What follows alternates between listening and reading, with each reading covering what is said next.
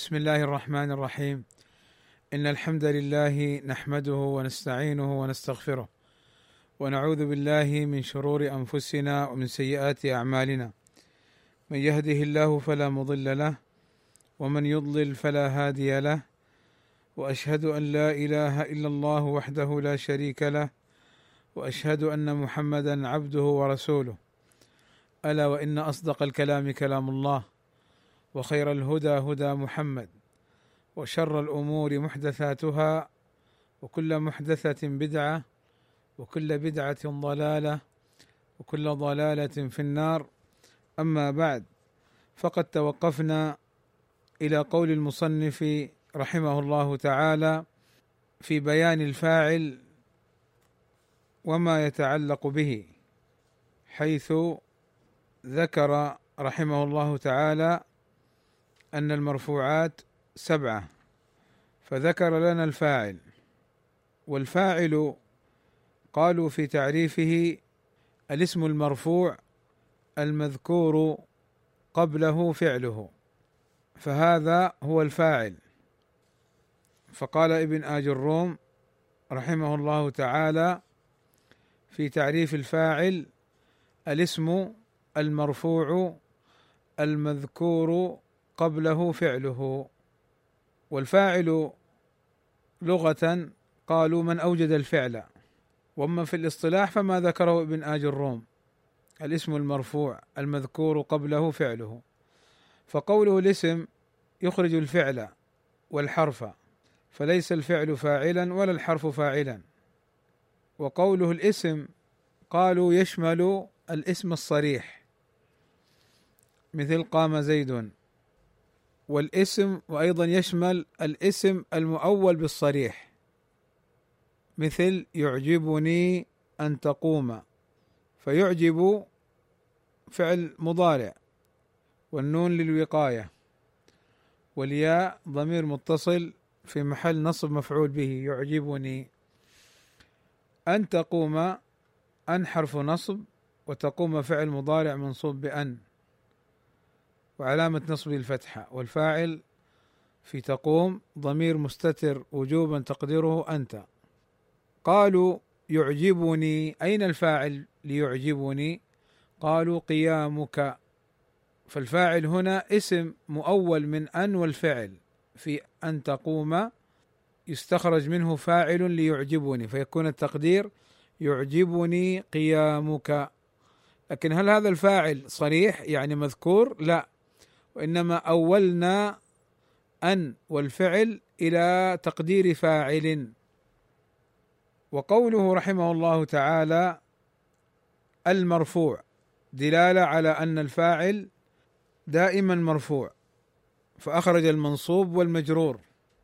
وقوله المرفوع يشمل المرفوع بالضمة كقام زيد أو المرفوع بالألف كقام الزيدان أو المرفوع بالواو كقام أبوك فيشمل المرفوع هذه كلها. وقوله المذكور قبله فعله يخرج المبتدأ واسم إن واسم كان ونحو ذلك. فكان وإن كانت فعلا إلا أن الاسم الذي بعدها يكون اسمها لا فعلا ككان الله سميعا بصيرا. فنقول كان فعل ماضي ناقص. لفظ الجلالة الله اسم كان مرفوع وعلامة رفعه الضمة. سميعا خبر كان منصوب. بصيرا صفة. ثم ذكر ابن آج الروم رحمه الله تعالى أقسام الفاعل. في كلام العرب فقال وهو أي الفاعل على قسمين. يعني يأتي في كلام العرب على قسمين ظاهر يعني مذكور صريح ومضمر. فالظاهر أي الفاعل الظاهر طبعا مضمر أي أنه ضمير متصل مثل قمت قمت قمت كما سيأتي. قال فالظاهر نحو قولك قام زيد. ويقوم زيد وقام الزيدان ويقوم الزيدان وقام الزيدون ويقوم الزيدون وقام الرجال ويقوم الرجال وقامت هند وتقوم هند وقامت الهندان وتقوم الهندان وقامت الهندات وتقوم الهندات وقامت الهنود وتقوم الهنود وقام أخوك ويقوم أخوك وقام غلامي ويقوم غلامي وما أشبه ذلك. فهنا ابن آج الروم رحمه الله تعالى ذكر أن الفاعل ينقسم إلى قسمين الأول الظاهر. وقالوا في تعريف الظاهر ما يدل على معناه بدون حاجة إلى قرينة من خطاب أو تكلم أو غياب. نلحظ هنا الأمور التالية. أولا أنه فقط ذكر في الفاعل الظاهر الفعل الماضي والفعل المضارع. قام زيد ويقوم زيد. وهذا للتنبيه على أن فعل الأمر لا يذكر بعده فاعله. أن فعل الأمر لا يذكر بعده فاعله. فإن ذكر بعد الفعل الأمر اسما ظاهرا فهو من باب التوكيد كقولك مثلا قم أنت قم أنت. فيكون هذا من باب التوكيد. هذا الملحظ الأول. الملحظ الثاني نلحظ أن الفاعل يذكر بعد الفعل الماضي والمضارع كما سبق وقد يكون الفاعل مرفوعا بالضمة كزيد قام زيد ويقوم زيد. في الاسم المفرد. وقد يكون الفاعل مرفوعا بالألف في قام الزيدان ويقوم الزيدان في المثنى خاصة. وقد يكون مرفوعا بالواو في مثل قولك قام الزيدون ويقوم الزيدون. وقد يكون مرفوعا أيضا بالضمة في جمع التكسير قام الرجال ويقوم الرجال. وقد يكون مرفوعا بالضمة قام زيد ضمة. الاسم المفرد المذكر وقامت هند ضم للاسم المفرد المؤنث. فقد يكون الفاعل مذكرا وقد يكون مؤنثا. قامت هند وتقوم هند. وقامت الهندان وتقوم الهندان. هنا فاعل مثنى مؤنث. وقامت الهندات جمع مؤنث سالم. وتقوم الهندات جمع مؤنث سالم. وقامت الهنود جمع تكسير. اذا قد يكون الفاعل مرفوعا بالضمة وذلك في الاسم المفرد وفي جمع التكسير وفي جمع المؤنث السالم. قام زيد قام الرجال قامت الهندات. وقد يكون مرفوعا بالألف في المثنى خاصة سواء كان لمذكر أو مؤنث. قام الزيدان يقوم الزيدان قامت الهندان وتقوم الهندان وقد يكون مرفوعا بالواو في جمع المذكر السالم. قام الزيدون ويقوم الزيدون. وفي الأسماء الخمسة قام أخوك ويقوم أخوك. فإذا الضمه في الاسم المفرد وفي جمع التكسير وفي جمع المؤنث السالم. والألف في تثنية الأسماء خاصة والواو في جمع المؤنث السالم وفي الأسماء الخمسة. طيب لماذا لم يقل يرفع بثبوت النون؟ لأنه هذا في الأفعال ليس في الأسماء. طيب نلحظ نلحظ أنه أيضا قال وقام غلامي ويقوم غلامي وما أشبه ذلك.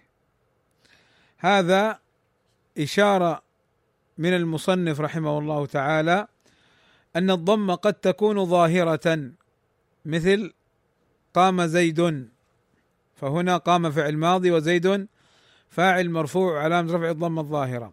وقد تكون الضمه مقدرة مثل تقديرها قبل ياء المتكلم. قام غلامي قام فعل ماضي. غلام فاعل مرفوع وعلامة رفعه الضمة المقدرة قبل ياء المتكلم غلامي.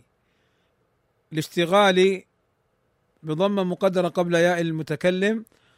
منع من ظهورها اشتغال المحل بحركة الحكاية. غلامي. وسيأتي إن شاء الله متى تظهر الحركات ومتى تقدر لعلي إن شاء الله أفردها بالكلام. إذا هنا ابن آج الروم في الفاعل الظاهر ذكر لنا أنواعه وصوره للمفرد والمثنى والجمع. جمع تكسير جمع مؤنث سالم جمع مذكر سالم. والمفرد أو المثنى أو الجمع للمذكر وللمؤنث.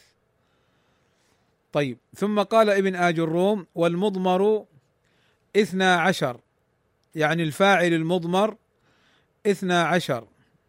نحو قولك ضربت ضربنا ضربت ضربت ضربتما ضربتم ضربتن وضرب وضربت وضربا وضربوا وضربن.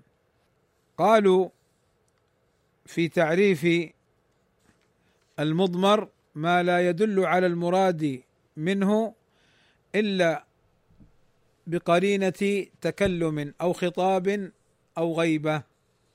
فهنا ذكر ابن آج الروم رحمه الله تعالى الفاعل في القسم الثاني وهو الضمير والمراد بالضمير كما سبق كما عرفه بعض النحاة بقولهم ما لا يدل على المراد منه إلا بقرينة تكلم أو خطاب أو غيبة.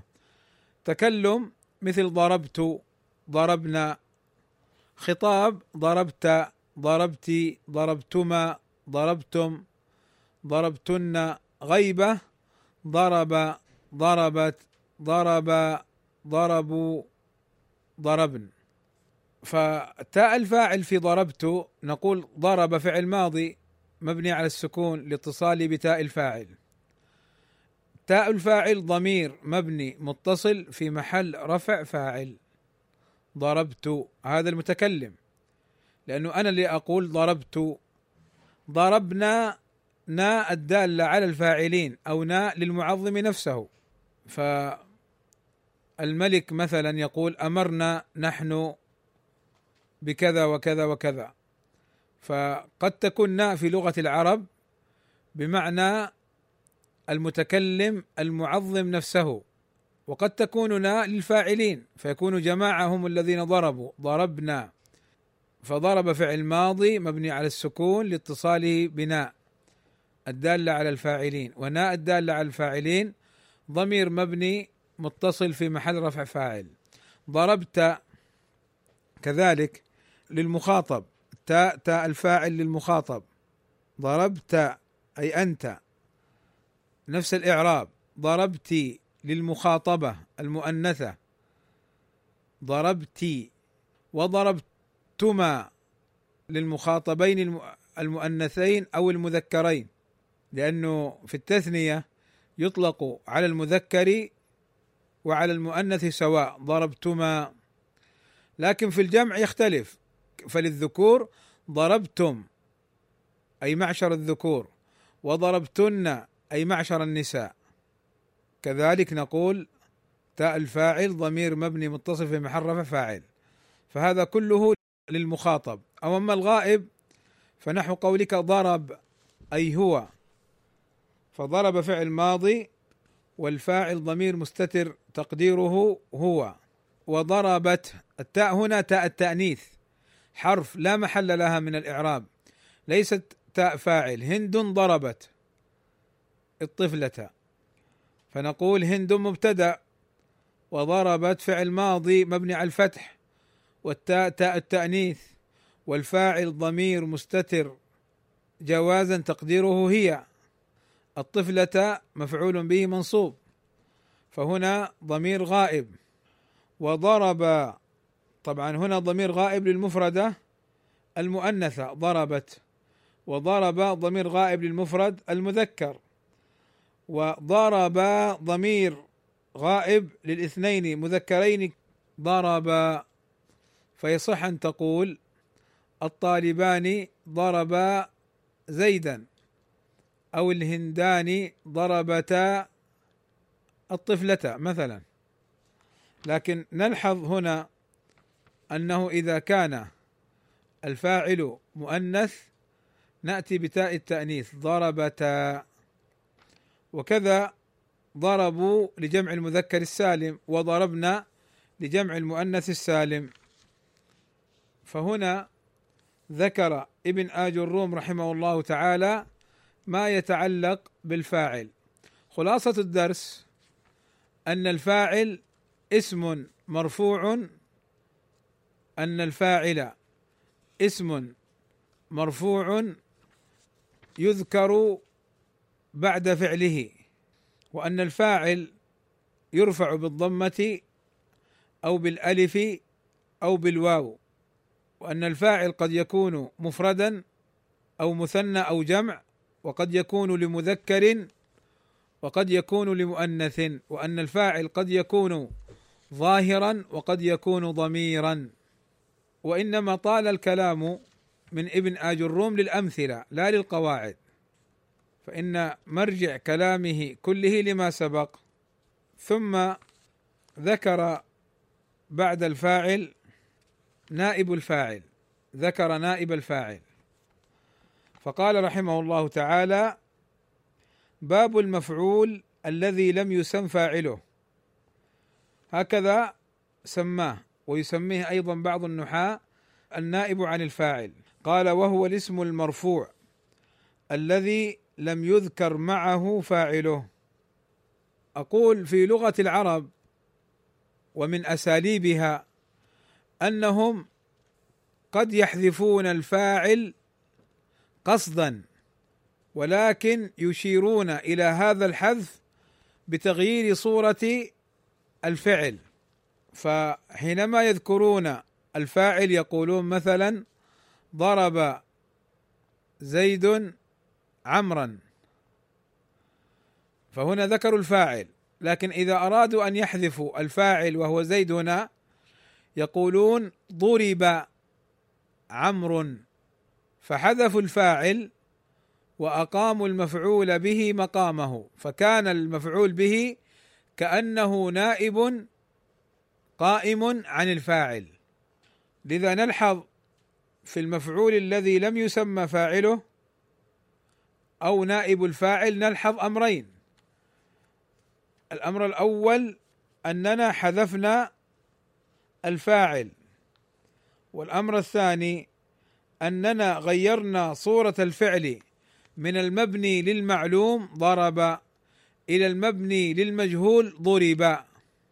فإذا حذف الفاعل وذكر المفعول به مقام الفاعل فإنه يعطى المفعول به حكم الفاعل من جهة الرفع. فلا تقل ضرب عمرا وإنما ضرب عمرو وقد أشار ابن آج الروم إلى هذا المعنى أعني تغير صورة الفعل قال فإن كان الفعل ماضيا ضم أوله وكسر ما قبل آخره ضرب ضو وكسر ما قبل آخره ضرب ضو ضرب قبل آخره الراء ضرب كتب كتب قام قيم صام صيم حضر حضر وهكذا. قال وإن كان مضارعا ضم أوله وفتح ما قبل آخره. يضرب إذا أردنا أن نجعله مبنيا للمجهول يعني يحذف فاعله فنقول يضرب نضم أوله يو. ونفتح ما قبل آخره نفتح الراء. يضرب يضرب. يقطع يقطع يكتب يكتب يقرأ يقرأ. فهذه قاعدة الفعل المبني للمجهول. ومعنى قولهم المبني للمجهول أي أن فاعله محذوف. وحذف الفاعل في كلام العرب له مقاصد. تطلب هذه المقاصد في علم البلاغة. لأنه قد يحذف الفاعل للجهل به. ما تعرف اسمه. فتحذف الفاعل وتذكر الفعل بصورة المبني للمجهول للجهل به. وقد يكون لتحقيره. ما تبغى تذكره. وقد يكون للخوف منه. ما تريد أن تقول فلان هو الذي ضرب هو الذي فعل هو الذي كذا. خوفا منه. إلى آخر الأغراض المذكورة في علم البلاغة. ثم ختم ابن آج الروم نائب الفاعل بأن بين أن نائب الفاعل يكون كالفاعل على قسمين ظاهر ومضمر. وقلنا في تعريف الظاهر أنه ما يدل على معناه بدون حاجة إلى قرينة. وأما المضمر ما لا يدل على المراد منه إلا بقرينة تكلم أو خطاب أو غيبة. فقال فالظاهر نحو قولك ضرب زيد. فنقول ضرب فعل ماضي مبني للمجهول. وزيد إما أن تقول في إعرابه نائب فاعل مرفوع وعلامة رفعه الضمة. وإما أن تقول مفعول لم يسمى فاعله. ضرب زيد ويضرب ضرب ضم أوله وكسر ما قبل آخره. ويضرب ضرب ضم أوله وكسر ما قبل آخره لأنه ماضي. ويضرب ضم أوله وفتح ما قبل آخره لأنه مضارع. فيضرب فعل مضارع مبني للمجهول. وزيد نائب فاعل مرفوع وعلامة رفعه الضمة. وأكرم عمرو ويكرم عمرو. قال والمضمر يعني إلى آخر ذلك من مما ذكر سابقا في الفاعل. تضرب هند وتضرب الهندات. ضرب أبوك يضرب أبوك ونحو ذلك. والمضمر اثنا عشر نحو قولك ضربت وضربنا وضربت وضربت وضربتما وضربتم وضربتن وضرب وضربت وضرب وضربوا وضربنا كلها فعل ماضي مبني للمجهول. وتاء ضمير مبني متصل في محل رفع نائب الفاعل. ونائب الفاعل قد يكون للمتكلم. ضربت ضربنا وقد يكون للمخاطب. ضربت أو المخاطبة ضربت المفردين وقد يكون للمخاطب المثنى ضربتما وقد يكون للمخاطب الجمع وقد يكون للمخاطب الجمع ضربتم المذكر وللمؤنث ضربتن.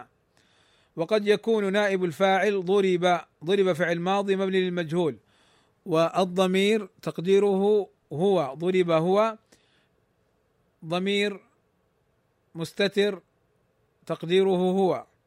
وضربت ضربت فعل ماضي مبني للمجهول والتاء تاء التأنيث حرف لا محل لها من الإعراب. والفاعل ضمير مستتر تقديره هي. ضربت هي في محل رفع نائب فاعل. ضرب ضرب ضرب فعل ماضي مبني للمجهول والألف ضمير متصل في محل رفع نائب فاعل. ضربوا ضربوا فعل ماضي مبني للمجهول والواو ضمير مبني متصل في محل رفع نائب فاعل. ضربنا كذلك فعل ماضي مبني للمجهول والنون ضمير متصل مبني في محل رفع نائب فاعل.